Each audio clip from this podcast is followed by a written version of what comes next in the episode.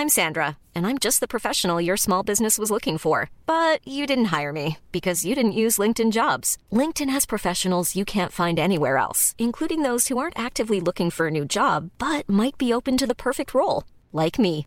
In a given month, over 70% of LinkedIn users don't visit other leading job sites. So if you're not looking on LinkedIn, you'll miss out on great candidates like Sandra. Start hiring professionals like a professional. Post your free job on linkedin.com/people today. There's never been a faster or easier way to start your weight loss journey than with PlushCare. PlushCare accepts most insurance plans and gives you online access to board-certified physicians who can prescribe FDA-approved weight loss medications like Wigovi and Zepbound for those who qualify. Take charge of your health and speak with a board-certified physician about a weight loss plan that's right for you. Get started today at plushcare.com slash weight loss. That's plushcare.com slash weight loss. plushcare.com slash weight loss.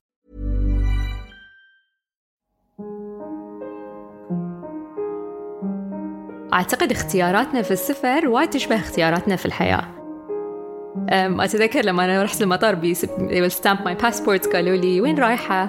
قلت لهم الموزمبيق الريال ضحك هم؟ وين؟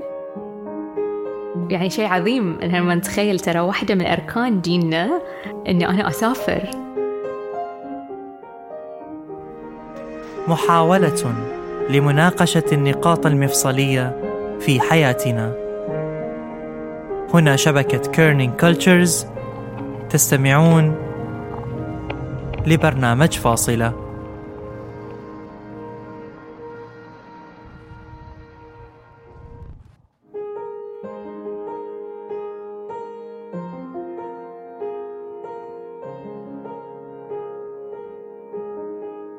تنويه هاي الحلقة عبارة عن رحلة شخصية حول العالم وتتمتع بتفاصيل بصرية تصويرية جميلة وشخصية تماما.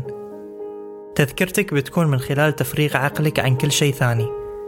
وتفتح عينك الثالثة عشان تتصور معانا كل المشاهد وتفاصيلها. وتدرك جمال البصيرة في التخيل. نور مفيز. إنسانة محبة للسفر لدول متعددة ومختلفة بحضاراتها وثقافاتها. أتصور أن اليوم تفاصيل بصرية جميلة لتجاربها المختلفة. لكن قبل كل شيء عشان نفهم نور أكثر سألناها شنو يعني لك السفر؟ أعتقد أن السفر يعني متنوع بشكل وايد كبير فلكل نوع قصة. وصدق أنا اعتدت على السفر أه، بس مو لدرجة أنه هو صار أسلوب حياة أه، بس لدرجة أن أنا أعرف نفسي في كل المواقف.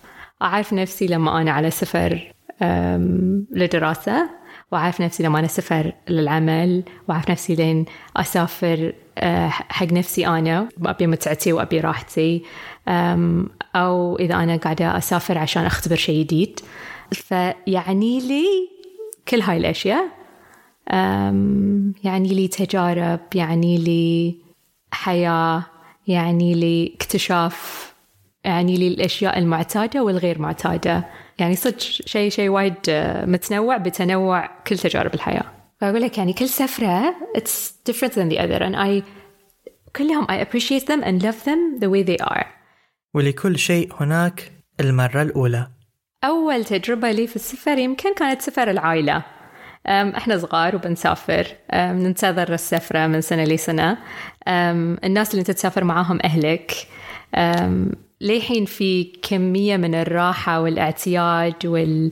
والمسؤولية مشيولة يعني. في أحد بي في أحد حتى بيو... بيود لي ال boarding ticket مالتي اللي أم، فهاي السفر كان يعني في يعني حميمية وفي تعرف على العائلة. وبين أول رحلة سفر وباقي الرحلات يتغير مفهوم السفر ويتشكل مع تشكل الشخصية. لما أنا أول مرة قررت أن أسافر آه، مكان غريب علي ما قد أحد راحة أنا أبي أروح وعندي دافع مني وفيني مو لأن شخص راح شخص ثاني راح فأتوقع هاي هني أنت تدرك حجم قرارك. العالم هاي كله موجود ذي كلها بس أنا أبي أروح الدولة الفلانية فيها شيء آه، أنا ابي أشتغل عليه في مشروع. فأتذكر واحدة من السفرات العزيزة على قلبي إن عقب ما تخرجت من الجامعة كان عندي مشروع آه، مع آه، جمعية مهندسين بلا حدود. رتبنا حق هاي المشروع في واخترنا دولة قعدنا طول السنة نرتب حق هاي المشروع. أتذكر لما أنا رحت المطار بي stamp my passport قالوا لي وين رايحة؟ قلت لهم الموزمبيق. الريال ضحك. أنا وين؟ الموزمبيق دولة في أفريقيا ودولة جميلة وعظيمة ونعرف قليل اللي نعرف عنها وايد قليل.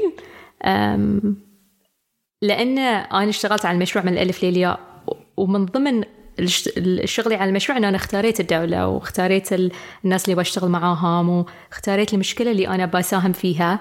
هاي القرارات كلها تحس لك بصمة في في اختيارها. كان طعم السفر غير. أنا ما رحت هناك لأن الدولة كانت يعني highlighted on TripAdvisor أو لأن أحد قال لي لازم تروحين ولازم تصورين هني ولازم تشوفين ذي الشيء. لما القرار يجي شخصي جدا نابع منك ومن شغلك أنت واشتغلت عليه مدة طويلة وتعلمت عن الديرة اللي أنت بتروحها قبل ما تروحها. طعم السفر والتجربة ما تقارن بأي تجربة ثانية في السفر. يعني هاي هاي واحدة من ال... اللي خلينا نقول النقاط المفصلية اللي حسيت أنا طلبت هاي السفرة واشتغلت عليها غير إن هي جاتني عندي يعني. هو لأن لما أنت تشتغل هناك أنت طول يومك تشتغل بس آه، بحكم إن كل شيء مختلف حوالينك فهو شغل اكتشاف منه وفيه آه، بس آه، بعد المهمة اللي إحنا رحناها وخلصت من هاي المهمة اكتشفتها بروحي. فاي packed my backpack على قولتهم حطيت أغراضي على ظهري وطلعت واكتشفت الدولة بنفسي. و هذه كان يعني من من التجارب بالسفر اللي فتحت عيني وعرفتني على نفسي أكثر. وعرفتني على شنو اللي يدفعني وشنو اللي يخليني أروح الطريق to go to the road less traveled. وبعد ما زرنا الموزمبيق مع نور وامتزج الاكتشاف مع الشغل شفنا شلون يتوازى السفر مع باقي مجالات الحياة. واللي يحدد كل قراراتنا اليومية ممكن يكون محرك لقراراتنا في السفر والسعادة. أعتقد اختياراتنا في السفر وايد تشبه اختياراتنا في الحياة. إذا إحنا في حياتنا عندنا اهتمامات وعندنا حب اطلاع وعندنا أشياء تثير اهتمامنا ونصير فضوليين ونبحث شوي زيادة عنها بناخذ نفس هاي الروح وبن إن شاء الله ناخذ نفس هاي الروح ونستخدمها في اختيارات سفرنا سواء ابتداء من وين المكان اللي إحنا بنروحه؟ إلى مع من بنروح إلى إيش بنسوي؟ إلى بنروح هاي الكافي شوب ناكل ولا بندور مكان شوي ما حد يدري عنه مخشوش ولا إيش بنشتري صوغة. أعتقد إن كل ما كانت اهتماماتنا نابعة من فضولنا ومن نفسنا إحنا مو بنابعة من لأن اللي حوالينا قاعد يسوون. وكل ما إحنا ركزنا نكتشف هاي الأشياء في نفسنا يعني يعني غريب أحيانا أن نحس مو كل من حوالينا يعرف يستانس. يعني أوكي شنو الوناسه يعني ترى السفر مفهوم السفر حق وايد ناس وناسه بروح أستانس بروح أغير جو هاي الكلمة اللي يقول لك اياها بس هاي الوناسه وتغيير الجو مستحيل معناها نفس الشيء عند الكل. ويمكن يعني معناها السطحي أو يمكن التجربة المتعارف عليها التجربة السياحية اللي أنت لما توصل ويقولون لك روح هني وروح هني وروح هني واركب هاي الباص السياحي وصور عند هاي المكان. آه، هاي متعارف عليه وبتحصل في كل مكان.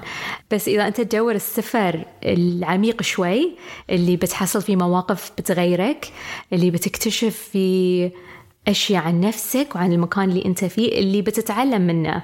السفر بشكل يعني كبير كبير مدرسة. يعلم كثر ما إحنا نبي نتعلم. لحظات الفضول وحب الاستطلاع ممكن تخلق وقفات مليئة بالدهشة والإعجاب. ولما سألنا نور عن الدهشة تذكرت زيارتها لآيسلندا. فآيسلندا جزيرة بركانية وطبيعتها آه، مثل ما يقولون دايفيرس مختلفة وفيها من كل شيء. فأنا رحتها خلال سنتين. رحتها رحتها مرة وعقب سنتين رحتها ورحتها في فصلين مختلفين. صدق طبيعتها مبهرة. وصج كل من معاي في الرحلتين كان يبي يصور قدام كل شلال وكل آه، بحر نطوفة. وكل ما تصير في فرصة إنه يعني المناظر وايد جميلة. بس عمق التجربة كان بالإحساس بالطبيعة. واللي أعمق لو أنا كنت فاهمة العلم ما وراء هاي الطبيعة. لو تمعنت فيها زيادة بعد بكتشف شنو كان أثر الإنسان على هاي الطبيعة. خاصة لما شفتها أنا بين سنتين. وايد يقولون لنا مثلا عن الاحتباس الحراري وش قاعد يصير آه، في العالم. يمكن إحنا ما نلاحظه في البحرين وايد لأن إحنا في مجتمع متمدن حوالينا مدينة. ما نحس وايد بالطبيعة قريبة منا المسطحات الثلجية في آيسلندا وايد تأثرت من من الاحتباس الحراري ومن آه، زيادة درجة الحرارة في العالم. فأنا قدرت أشوف خلال سنتين إيش كثر تراجع الثلج في واحدة من المناطق اللي أنا زرتها. فيوم وقفت وشفت إنه ترى كان في هالكثر ثلج والحين قاعد يراون يقولون لي شوف إيش كثر تراجع يعني هاي اللي يقولون لنا عنه في الكتب بالمدرسة أو يقولون لنا عنه في الأخبار يقولون لنا بقى هالكثر قاعد الغطاء الثلجي قاعد يقل 2 سنتيمتر إذا أنت رحت بهاي الفضول وبهاي ال connection مع العلم مع الطبيعة وشفته ووقفت هناك وحسيت كإنسان إن أنت عندك impact على اللي قاعد يصير شنو شنو معنات هاي السفرة لك؟ هل هي بس postcard ولا هل أنت بترجع منها بشيء؟ The more there is in us the more that they will see outside. كل ما كان داخلي شغف و... وعودت نفسي على أنا أسأل هاي الأسئلة و... ونميت هاي الشغف من أنا مو شرط أنا أكون في السفر عشان أكون شغوفة بالعلم وبالطبيعة. هاي كلها يعني تراكم فينا. والسفر ي... يكمله. أو يفتح لك مجالات جديدة أن أنت تتساءل. يعني من أحلى الأشياء في السفر اللي إحنا نفتقد نفتقدها في حياتنا هو الشعور بالدهشة اللحظة اللي أنت تفتح فيها باب السيارة وتنزل وتقول أنا وين؟ شنو هاي؟ أنا م... أنا ما توقعت أنت شفت الصور يمكن وما تم website ما شفته وكل من قال لك بس سبحان الله المكان ولما تدرك يعني عظمة المكان وجماله وجمال الطبيعة اللي حوالينك هاي الأثر أثر هاي الدهشة ذي أعتقد وايد ناس يسافرون ويروحون العالم ذي كله عشان هاي الشعور. ولأن هاي الشعور نحس يعني ما نقدر نولده في أي مكان وفي أي لحظة. كنا رايحين مكان أنا رحته من قبل ونزلت مع المجموعة وقلت لهم ترى إحنا بنروح اليوم؟ يوم الشلالات. بنشوف شلال هني وشلال هني وشلال هني ورحت مع المجموعة وشفنا كل الشلالات ومشينا من وراء شلال وركبنا تسلقنا فوق وشفنا شلال وشفنا شلال من بعيد. بعدين قالت واحدة من البنات أبي أروح هني. شفنا ناس تمشي شخص نفرين نفرين. وطريق طريق مخفي مخفي بين ال بين ال بين الجبل. يعني شني قاعد أدخل؟ مغارة من الجبل. فدخلنا مغارة ودخلنا مغارة وراها مغارة واضطرينا نمشي خلال النهر وتبللنا. بعدين رفعنا رأسنا طلع في شلال مخفي داخل الجبل اللي إحنا فيه. وهاي هني حسيت على الرغم من أنت أنا رحت هاي المكان من قبل وأنا جاية أقود المجموعة اللي معاي. فضول واحدة فينا هو اللي قادنا عشان نحصل شيء مخفي ما عرفنا إنه هو موجود. هاي اللحظات اللي تحس فيها أنت شفت شيء يمكن ما حد شافه. لازم تسافر وأنت مستعد ان تغير رأيك عن كل شيء. تغير رأيك عن الاشياء اللي أنت تحبها ولا ما تحبها تغير رأيك عن الاشياء اللي يمكن تستمتع فيها وما تس... أو ما تستمتع فيها وعن المكان اللي أنت بتزوره وعن الثقافات اللي بتشوفها. تسافر عشان تتعلم عشان تكتشف. مساحة التخطيط أو مساحة العفوية هاي التخطيط العفوي مهم لأن هي اللي بتعطيك هاي الفرص أن أنت تكتشف. إذا كل شيء بالمسطرة آه، يمكن تضيع منك هاي الفرص. وبعد يعني السايد الآخر أن في وايد من الأشخاص ما بيروحون عشوائيا عشان ما تضيع عليهم الفرص. فيعني اتزان.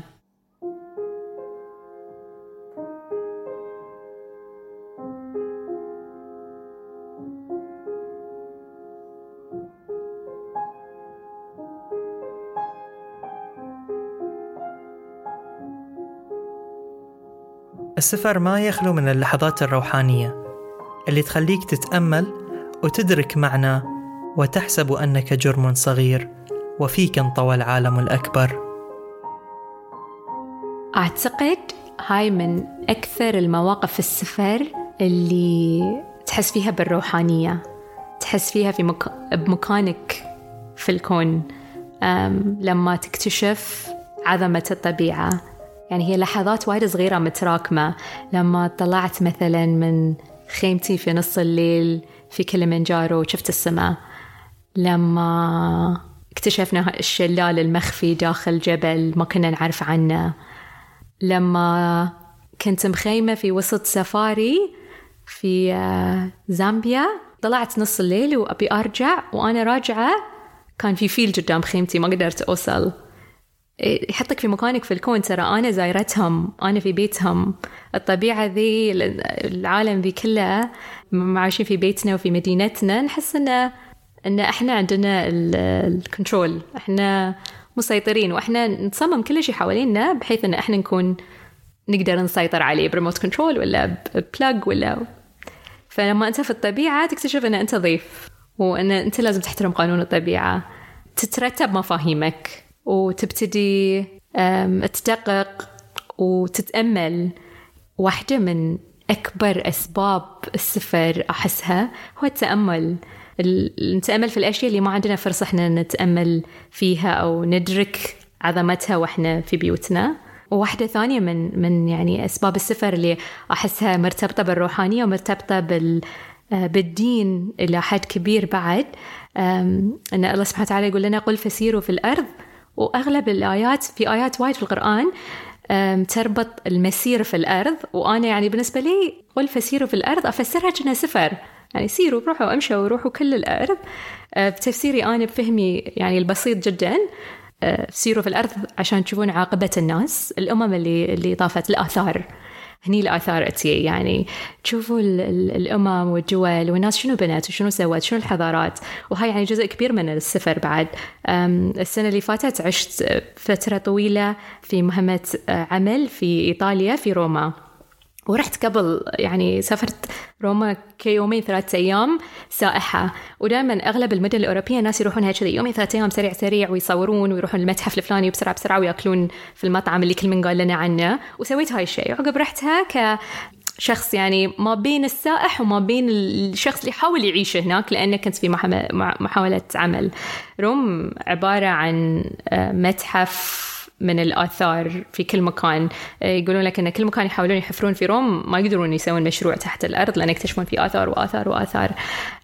هاي صورة الكوليسيوم العظيمة اللي إحنا نشوفها وكل من يصور يما تذكر دخلته وياتني هاي الآية. قل فسيروا في الأرض أنا قاعدة أمشي عشان أشوف الناس قبل شنو بنت وشنو سوت. وأنا داخل استوعبت أن هاي المبنى العظيم بنوه آه، بالعلم اللي كان عندهم وبأدق بأدق الحسابات الهندسية. في نهاية آه، عمره كان الهدف منه أنه كانت ال gladiators الناس تحارب حيوانات وكانت في ناس تموت فيه. وطلعت حسيت أن كل هاي اللي تأملته وصلني لمكان أن أنا حسيت هاي الأمة العظيمة اللي كانت يوم من الأيام بنت كل ذي وصلت إلى مرحلة كان ال entertainment مالها أنها تشوف ناس تموت. فما أدري إذا هاي الفكرة كانت بتوصلني لو أنا ما رحت هاي المكان وشفته وتأملت ومشيت فيه.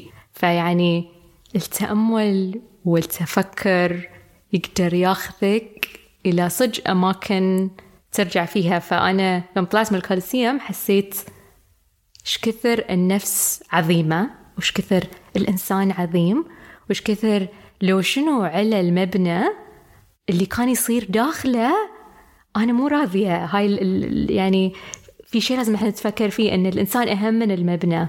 فرجعت حق كل هاي الآيات اللي الله سبحانه وتعالى يقول لنا فيها سيروا عشان تشوفون شنو صار في الناس اللي اللي عاشت قبل. إيش سوت؟ وحسيت انه هني أنا لازم لما أروح مكان أفهم تاريخه قبل ما أروحه. تعلمت هاي الشيء من هاي السفرة. فحتى صار عندي أحيانا panic لما أروح مكان ما أعرف شيء عنه وأنا في الطيارة أحاول يعني أنزل قبل ما أدخل الطيارة أنزل كتاب وأقرأ بأفهم يعني هم من هم إيش سووا؟ وهم أحس أحس إن أنا داشة بيت ناس ما أعرفهم. إذا أنا سافرت ديرة على الأقل ما فهمت شوية عن تاريخها. كل ما تأملنا بناخذ أكثر من المكان اللي إحنا رايحينه يعني. الجمال بعين الناظر. ولما سألنا نور عن تعريفها للجمال السفر يساعدك إنك تشوف الجمال في كل شيء. آه، لأن بتنوع الأماكن اللي تروحها تنوع الطبيعة تنوع الجو تنوع الناس تنوع الثقافات. وتنوع تنوع العين اللي تشوف الجمال بين كل هاي الثقافات. أه، اللي إحنا نعتبره مثلا اللي نعتبره جميل في الإنسان جهة ملامح مثلا خلينا نقول في هاي الجزء من العالم مو باللي يعتبرونه الناس في أجزاء أخرى من العالم جميل. أه، ف أعتقد لما تروح وتشوف تحاول تشوف الأشياء بنظرة المجتمعات والثقافات الثانية بتتعرف على نواحي من الجمال. أنت ما كنت مدركهاش من قبل. بتحتك بعد بالفنون بالموسيقى آه، بالفنون التعبيرية آه، بالشيء كنت وايد أحبه. يعني وايد ألاحظه مثلا في السفر الأقمشة والثياب وألوانها والناس شلون تلبس. يمكن بحكم إن إحنا يعني في البحرين مثلا أو في مجتمعنا عندنا بياض وسواد هو اللي الدارج لما آه، النسوان يلبسون أزيد شيء الأسود والريال يلبسون الأبيض. لما تروح أي دولة أفريقية يعني في أي لحظة أنت تشوف فيها ناس في الشارع عدد الألوان في ثياب شخص واحد. أعتقد تتعلم تشوف الجمال آه، من وجهة نظر الشعوب وال, وال الثقافات الثانية. طبعا أنا يعني رحت صوب الناس وتعريفهم للجمال وما رحت صوب الطبيعة واللي هي يعني أعظم وأكبر وهي مدرسة الجمال يعني. البساطة الاختلاف والجبال بين كشمير والنيبال. لها طبيعة مقاربة من النيبال لها ناس بسيطين آه، في بيننا وبينهم connection لأن أغلب الكشميريين مسلمين فكنا يعني نمشي من من مسجد لمسجد يقولون لنا هاي المسجد كذي هاي المسجد كذي آه، شفنا فيها الطبيعة وشفنا فيها الإنسان البسيط اللي يحب الطبيعة ومرتبط فيها وايد. آه، شفنا فيها تنوع ديني. وتنوع ديني وتنوع طائفي حلو بعد. يعني أحيانا ننسى شلون تنوع الطوائف في ديننا وايد حلو. آه شلون هاي الطائفة لهم شعائر خاصة بهم هاي المسيد كذي هاي المكان. آه فأعتقد يعني أحيانا بعد لما تروح تشوف الشيء بعيد عنك تقدره وبعدين تاخذ الفكرة وتي تقدرها في مكانك. وهاي السفر لأنه هو يطلعك من من مكانك ويطلعك من الأفكار والمعتقدات اللي اللي حوالينك في في المكان اللي أنت مرتاح فيه شوي تتجرد منها. فمساحة التقبل عندك للناس تزيد في السفر. طبعا يمكن لأن أنا من دولة مسطحة تماما آه، فلما سافرت انبهرت بالجبال انبهرت بطبيعتها. انبهرت إن إن هي على عظمتها وكبرها آه، نقدر نوصل لها وتمهدت يعني. ففي أوروبا أغلب الجبال تقدر توصلها بتلفريك وتشوف المنظر من فوق وتصور وتستانس وتنزل خلال عشر دقائق آه، في أماكن ثانية من العالم وطبعا يعني مع اختلاف السلاسل الجبلية وارتفاعاتها أكبر سلسلة للجبال في العالم هي سلسلة جبال الهيمالايا واللي في ال peaks يعني متوزعين بين دول عديدة وأكثر ال peaks في النيبال وبين الهند ويمتدون لكشمير.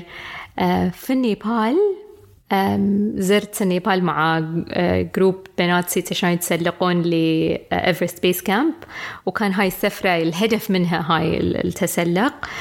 فهي يعني مغامرة وتحدي. كان عندي اهتمام بالجبال قبل ما أروح بس أعتقد في هاي السفرة صار عندي هوس شوي. شفت جبل من بعيد وقلت هاي الجبل اسمه أما دبلم. قاعد يضحكون البنات الحين إذا قاعد يسمعونه. آه صار عندي هوس بالمكان. أعتقد أن أنت تكون لمدة 14 يوم محاط بطبيعة عينك مو معتادة عليها في حياتك الطبيعية. الهواء صوت الماي بساطة القرى اللي تمر عليها. أه، فكرة أن أنت لازم أه، تنحي شوي عن الطريق عشان قطيع أه، من الحمير الله يعزك يطوفون لأن هم اللي يوصلون الاحتياجات من قرية لقرية في المسار الجبلي اللي إحنا فيه. هاي التجربة اللي وايد ناس قدروا يمرون فيها ومسهلة حق ومسهلة يعني هي لدرجة كبيرة مسهلة لأي شخص إنه هو يعني أوكي إذا ما قدر يقطع المسار الجبلي كله يقدر يمكن يقطع ساعات قليلة بعد متسهلة له.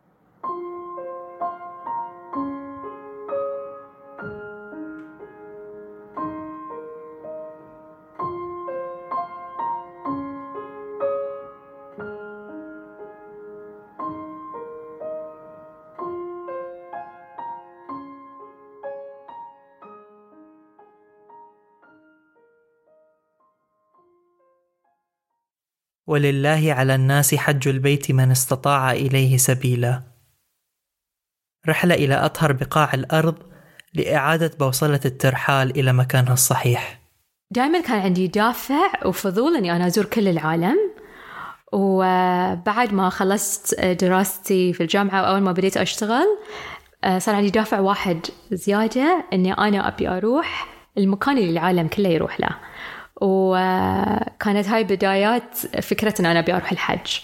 آه، كنت وقتها أول مرة ياتني يعني ياني هاي الفضول والفكرة. يمكن يعني يمكن في بال الكل ان ترى الحج اوتوماتيكلي كلنا بنروح يعني. أه الحمد لله إحنا بعد هني يجي دور الأفضلية. إحنا في دولة وايد قريبة من مكة والمدينة والحج ميسر لنا والكل يحس إنه يعني eventually إحنا في يوم من الأيام بنروح أه لين كبرنا شوية أو لين ولين يعني. لما كنت أدرس في لندن دخلت معرض والمعرض كان عن الحج وكانت معاي زميلة لي صينية. انبهارها بالأشياء اللي كنت أنا أشوفها في المعرض اللي إلى حد ما يعني أشياء أنا معتادة عليها. يعني كان في ستار للكعبة كان في فيديو للمناسك كان في خريطة تراويك كل الناس يجون من وين وطرقهم على مر التاريخ. آه، المعرض كان وايد حلو. أتذكر جزء من المعرض مريت عليه مع صديقتي الصينيه كانت مقتنيات الحجاج الصينيين على مر يعني سنين اللي كانوا ياخذونها معاهم. كتيب يقول لهم شلون يسوون المناسك. فهي قاعدة تقراه هني أنا حسيت يعني أن الحج أكثر عالمية من ما أنا كنت أتخيل. وأعتقد أن هاي الفكرة يعني على سذاجتها خلينا نقول لأن إحنا ربيني قريب من المكان ولأن أنا رحت العمرة وأنا صغيرة وصار عندي المنظر المنظر معتاد إلى حد ما. وشفته من خلال عين أحد منبهر انبهار تام. بحثت عنه أكثر ونمى عندي الفضول ونمى عندي آه، أني أنا بستطلع هاي التجربة واللي هي يمكن من أقدم الأسفار الغير منقطعة. يعني من من ما سيدنا إبراهيم بنى الكعبة لليوم ما انقطع هاي السفر إلى هاي المكان. فعلا هو سفر للناس كلها ومن كل مكان. فرحلة الحج كانت واحدة من الأركان. يعني شيء عظيم. لما نتخيل ترى واحدة من أركان ديننا إني أنا أسافر وأكتشف وأروح وأشوف الناس. يعني يعطيك بعد يعطيك بعد روحاني لل لشلون إحنا لازم ننظر إلى السفر. مو مو بس سفر الحج لازم يكون روحاني ولازم أنا أخذ منه وأتعلم منه واسوي يعني إذا أنا قادرة ان أستخلص الحكمة أقدر أستخدم هاي الحكم في كل سفراتي إلى حد ما. أقدر نفس ما أنا الله قال لي وخلقناكم شعوبا لتعارفوا وقاعد أتعرف على ناس في الحج هاي ناس بتعرف عليها في في الأماكن اللي أنا بروحها. نرجع حق الحج. رحلة لاكتشاف الذات. ورحلة رحلة تسأل فيها نفسك دائما عن مغزى الأشياء.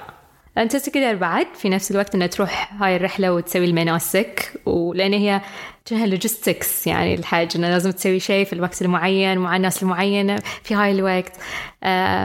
وأنت دائما تقدر تسأل نفسك ليش في كل خطوة. فاخذت اخذت وايد أشياء من الحج طبقتها في في رحلاتي أه، بعد الحج وفي هالرحلة الروحانية أدركت نور إن السؤال عن المغزى والنظر إلى الأمور من زاوية أخرى وفهم القصص وراء كل شيء شيء مهم وضروري. السؤال عن المغزى وأبعاده وأنا بشوف مغزى واللي يمي بشوف مغزى ثاني والأشخاص اللي معاي. بعد بعد الحج سافرت وايد سفرات مع مجموعات وبديت أحب أسمع قصص الناس. وهم شلون يشوفون الشيء اللي قدامهم. فبعد حلو سفر المجموعات. إذا أنتوا خلينا نقول على نفس التردد. آه، ناس مشابهين لك في التردد ناس فضوليين أو ناس يحبون يحبون يكتشفون. وايد ناس يقولون يعني شلون نحصل الرفيق السفر المثالي. هاي البحث عن رفيق السفر المثالي يعني آه، أعتقد يبي له فاصلة بروحه. بس آه، السفر مع الناس اللي تخليك بعد تشوف الأشياء بوجهة نظر ثانية أعتبره من أحد كنوز التجارب اللي مريت فيها. يقولون في مقولة تقول أن السفر سمي بالسفر لأنه هو يسفر عن أخلاق الناس وعن طباعهم وعن شخصياتهم. وصدق هاي أنا وايد شفتك. في ناس يعني الحمد لله أن ما أسفر لي في هاي السفرات دي كلها أشياء وايد زينة وكسبت فيها معرفة آه، آه، ناس يعني مثل ما يقولون غنية وعميقة وأضافت لي يعني ولليوم تضيف لي. ففرصة نتعرف على هاي الشخصيات المؤثرة وإحنا بعيد عن المكان اللي إحنا متعودين عليه.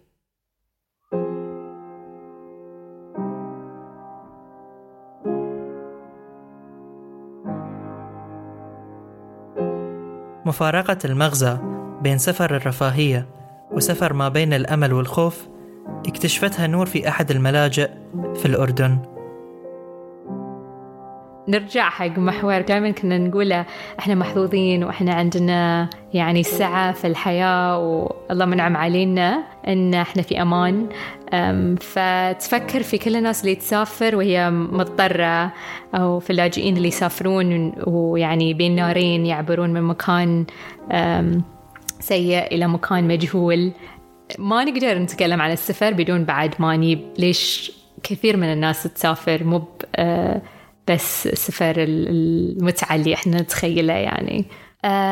في واحدة من السفرات اللي سافرت معاها مع جمعية ايادي كانت لزيارة لاجئين في مخيم للاجئين في الأردن.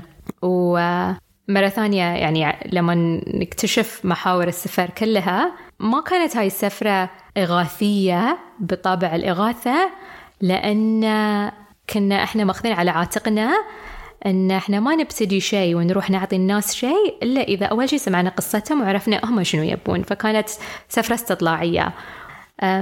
لما زرت ناس أه، لما يتكلمون لي عن السفر كان السفر بالنسبة لهم خوف. أه، وعمره ما كان أمان. أه، فيعني هاي بعد مفارقة. بس كان كانوا يتكلمون لي عن سفر يحلمون فيه وهو كانوا يحلمون إنهم يوصلون إلى دولة أوروبية ويأخذون حق اللجوء هناك ويبنون حياة جديدة. فالسفر لهم في هاي المرحلة اللي كانوا يتطلعون له أمل وحلم وفرصة إن هم يحولون حالهم من يعني حال لجوء وحال مقنن جدا إلى يعني يبتدون حياة جديدة. فهاي بعد نوع السفر اللي إحنا ما نعرفه غريب علينا وشفته في عينهم. آه، تذكرة السفر شنو تعني لهم وشنو تعني لي. لطالما كانت سفرة الطعام تجمع كل الناس رغم اختلافاتهم. لكن في مغزى أعمق يتيح لنا الأكل فرصة معرفته. الأكل يعني يجمع الناس. ويجمع الناس حتى لو أنت ما تعرف لغتهم. فيعني أتذكر ولائم دخلنا بيوت ناس ويعني ضيفونا وقعدنا وكلينا معاهم وجبة كاملة وقدرت أقول لهم ان هذه عجبني وذي ما عجبني و... و... واستمتعت وقضيت وقت وبدون ما أعرف ولا شيء ولا كلمة من اللي قالوها لي وبدون ما هم يفهمون ولا كلمة من اللي قلتهم. آه، ف يعني دائما السفرة والأكل جزء يعني من السفر اللي مثل ما يقولون لغة. هي واحدة من لغات السفر أعتبرها يعني. أحيانا حتى الأكل اللي إحنا حدنا متعودين عليه لما تأكله في موطنه الأصلي أكيد بتكتشف آه، التعديلات والتنقيحات اللي إحنا نسويها عشان يناسبنا. كلنا نعرف الباستا والبيتزا ومتعودين على الأكل الإيطالي. شيء وايد بسيط أنا لما قعدت مدة كفاية في إيطاليا وهي دولة وايد ناس يسافرون لها بس اكتشفت إن الأكل اللي إحنا ناكله في البحرين مو بإيطالي. أحيانا تداخل الثقافات وتاريخ الدولة نقدر نعرفه ونتعلم عنه من أكلها. فأتذكر في واحدة من المدن الساحلية في الموزمبيق كليت سمبوسة لوبستر. ويعني شيء غريب و... وكانت spicy وأنا في أفريقيا وهم إيش عرفهم بالسمبوسة أصلا؟ و... وإحنا ما قاعد نتكلم عن يعني لندن اللي مثلا مطعم بيسوون لك أشياء من كل العالم. لا هم ترى خلينا نقول يعني لوكل آه، المكان وايد محلي. بس التاريخ اللي مر عليه الموزمبيق عندها ساحل وايد كبير كانوا يمرون عليه السفن من الهند وكانت مسار تجاري. فالمنطقة اللي إحنا رحناها بحكم إن البهارات كانت توصلهم من الهند وتعلموا على السمبوسة. بس ولا مكان كانوا عندهم حشوة سمبوسة طبيعية اللي أنا متعودة عليها. كانوا يحشون السمبوسة باللي عندهم على الساحل. فكانت سمبوسة لوبستر وسمبوسة جبن سمبوسة سمك مسامحة. متعودة لا سمبوسة جبن. وسمبوسة ربيان. ف أعتقد هاي إحنا نشوفها الحين في كل العالم ومطاعمنا متروسة بهاي الخلطات الغريبة والعجيبة. بس تشوفها بأشياء أبسط لما تروح هاي الدول وتشوف إنه يعني التاريخ اللي مر عليهم مو بالعولمة لا التاريخ خلينا نقول التاريخ الفيزيكال السفينة اللي صدق هي مرت بنفسها ووصلت هاي الأشياء. ف ويفتح لك مجال لما كليتها عرفت تاريخهم وتكلمت معاهم عن تاريخهم وخبروني بعد عن التاريخ العرب اللي هناك. و و ويفتح لك يعني الأكل دائما فتح لي آه، قصص في كل دولة سافرتها. السفر امتياز. ولكن هل هو السبيل الوحيد لاكتشاف أسرار الكون؟ أنا أشوف أن السفر نعمة عظيمة وتيسير وإلى حد كبير امتياز مو كل من يقدر يسافر ولأسباب وايد okay إحنا الحين ما نقدر نسافر لأن كورونا بس في ناس إمكانيات مالية ظروف مجتمعية الجواز اللي إحنا نحصله لأن إحنا انولدنا في مكان معين يحدد إذا إحنا نقدر نسافر أو لا. هاي النعمة زين وإذا أنا ما قدرت أسافر هل أنا ما بيكون عندي قصص أتكلم عنها؟ أو ما بيكون عندي نقاط مفصلية الناس ما قدروا يحصلون عنها إلا في السفر؟ أه لا ابدا لا. أنا أؤمن دائما إن كلنا كلنا على سفر. إذا الله بصرني في شيء في سفرة وأنا ما قدرت أخذ هاي الشيء وأحصله في ديرتي لأن أنا في مكاني ترى أنا ما حصلته خسرته. يعني شفته هناك وما قدرت أرجع الفكرة هني. فهي مجرد لحظات ويعتمد علينا إحنا شنو ناخذ منها. أنت تقدر تسافر العالم عشان تشوف الناس وفي ناس حوالينك في البحرين من كل العالم بس يمكن أنت ما, ما تعبت تروح تكلمهم أو تسألهم عن قصصهم وعن حكاياتهم. فروح السفر هي المهمة والفضول ذي وحب حب التعلم وحب المعرفة هو المهم. دائما يقولون لك إن القارئ مسافر وهاي شيء ما ما حد يختلف عليه. بس صدق أنا يمكن ما أقدر أروح ما أقدر أمر بكل التجارب. الناس لما تتكلم عن السفر تقول لك يعني أنا عندي باكت ليست أبي أسافر ابى أروح هني وبروح هني وبصور ذي وبسوي هاي الشيء لما أنا أقرأ كتاب عن قصة أحد في دولة معينة مر بكل هاي التجارب هاي الكتاب يمكن بيعطيني عمق ما بحصله من سفرة أسبوع أو أسبوعين في هاي الدولة. فلا نحس أنه هو المدرسة الأولى والأخيرة ولكنه هو فعلا يعني يعطيك هنتس وعليك أنت تستخدمهم ولا لا. أعتقد الوحدة في السفر لما الشخص يكون بروحه في السفر فرصة أنه هو يعني يختلي بأفكاره وأنه هو يمثل نفسه بعيد عن الهالة اللي حوالينا هالة المجتمع أو هالة الشغل أو كل المسميات الثانية اللي الناس يحطونها قبل البايو مالهم في إنستغرام أو آه، يعرفون نفسهم بهاي. أحيانا لما تسافر مكان وايد بعيد ووايد بسيط الأشخاص ما يعرفون عنك ولا شيء غير اسمك. أحيانا حتى ما يعرفون اسمك يعني بتمر عليهم كوجه غريب يعني خلينا نقول. لما تصير عندك الفرصة أن أنت تقعد مدة طويلة مع نفسك ومع أفكارك خاصة إذا أنت مثلا في مكان منعزل فيه أو في الطبيعة تقدر تسوي ريستارت أحيانا نحس إن إحنا لازم نسافر ثلاثة أسابيع ونوصل قمة الجبل الفلاني ونسوي هاي التجربة أو وإذا ما سويناهم إحنا ما بنقدر نأخذ هاي القرار المصيري في حياتنا أو إحنا ما بنقدر نكون هاي الأشخاص الملهمين ولا الأشخاص اللي عندهم قصة عظيمة. وأنا يعني جدا جدا ضد هاي الفكرة لأن ترتيب الأولويات أو الفرصة أن الواحد تجي هاي الفكرة يقدر يحصلها في أبسط الأماكن. آه، أو يقدر يحصلها في عزلة عن ما هو معتاد عليه. آه، تقدر تجيله في مشية في مكان غريب. آه، تقدر تجيله وهو يتعرف على ناس غرباء عنه. حتى لو كانوا في الكوفي شوب اللي في البحرين اللي يم البيت. فأحس في وايد أشياء في السفر هي موجودة حوالينا. بس هي الروح اللي فينا اللي اللي نقدر نستخدمها وين نستخدمها. I, I don't I don't believe in this enlightenment coming only from travel. حتى لو كان السفر وايد وايد مهم بس هو يبصرنا في هاي اللحظات ونقول أوه ترى أنا بعد عندي إياهم في في مكان ثاني. وهل كثرة السفر تذهب من معناه تذكير كليشيه نوعا ما من نور لنفسها ولنا؟ في زمن الصور الفورية أن العيش في اللحظة أهم من توثيقها. أعتقد كثرة السفر بدون أسئلة مو بس قد تذهب من لذته يعني قد تمحي أهميته بالنسبة لك نهائيا.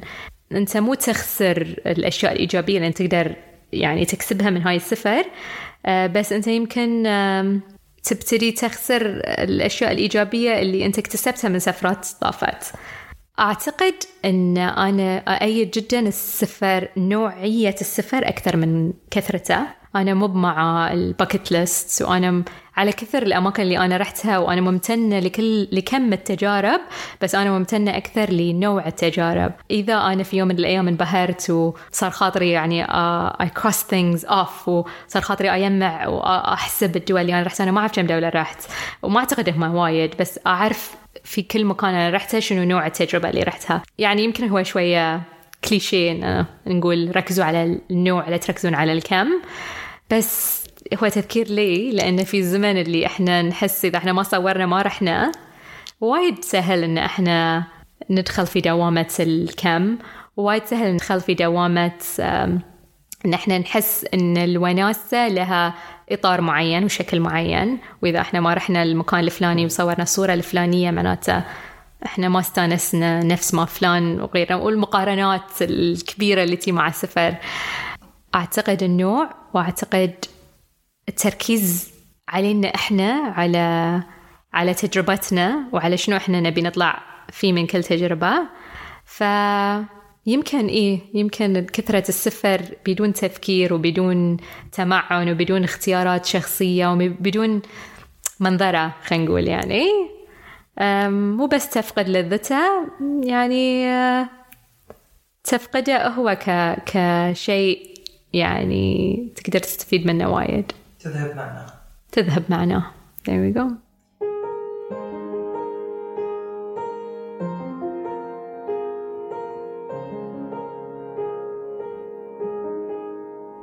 ابحثوا.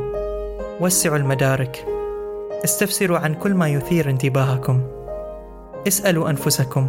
استكشفوا وتعلموا. اغتنموا الفرص التي حولكم لكسب المعرفة والوعي. ونوروا أنفسكم. كونوا دائما على سفر.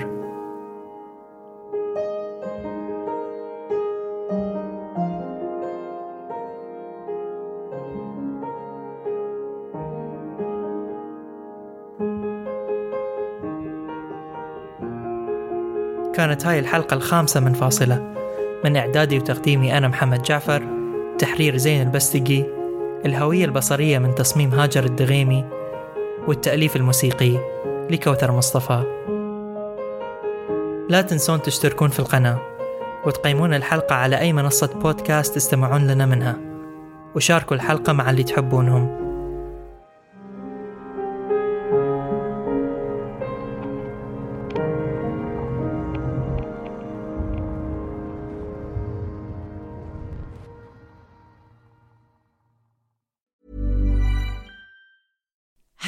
Like to look five years younger? In a clinical study, people that had volume added with Juvederm Voluma XC in the cheeks perceived themselves as looking five years younger at six months after treatment. Look younger, feel like you. Add volume for lift and contour in the cheeks with Juvederm Voluma XC. Reverse signs of aging by adding volume to smooth laugh lines with Juvederm Volure XC. For important safety information and to find a licensed specialist, visit juvederm.com. That's J U V E D E R M.com. Not for people with severe allergic reactions, allergies to lidocaine, or the proteins used in Juvederm. Common side effects include injection site redness, swelling, pain, tenderness, firmness, lumps, bumps, bruising, discoloration, or itching. There's a risk of unintentional injection into a blood vessel, which can cause vision abnormalities, blindness, stroke, temporary scabs, or scarring. Talk to a licensed specialist to find out if it's right for you. Planning for your next trip? Elevate your travel style with Quince. Quince has all the jet setting essentials you'll want for your next getaway, like European linen, premium luggage options, buttery soft Italian leather bags, and so much more. And is all priced at 50 to 80% less than similar brands. Plus, Quince only works with factories that use safe and ethical manufacturing practices. Pack your bags with high-quality essentials you'll be wearing for vacations to come with Quince. Go to quince.com/pack for free shipping and 365-day returns.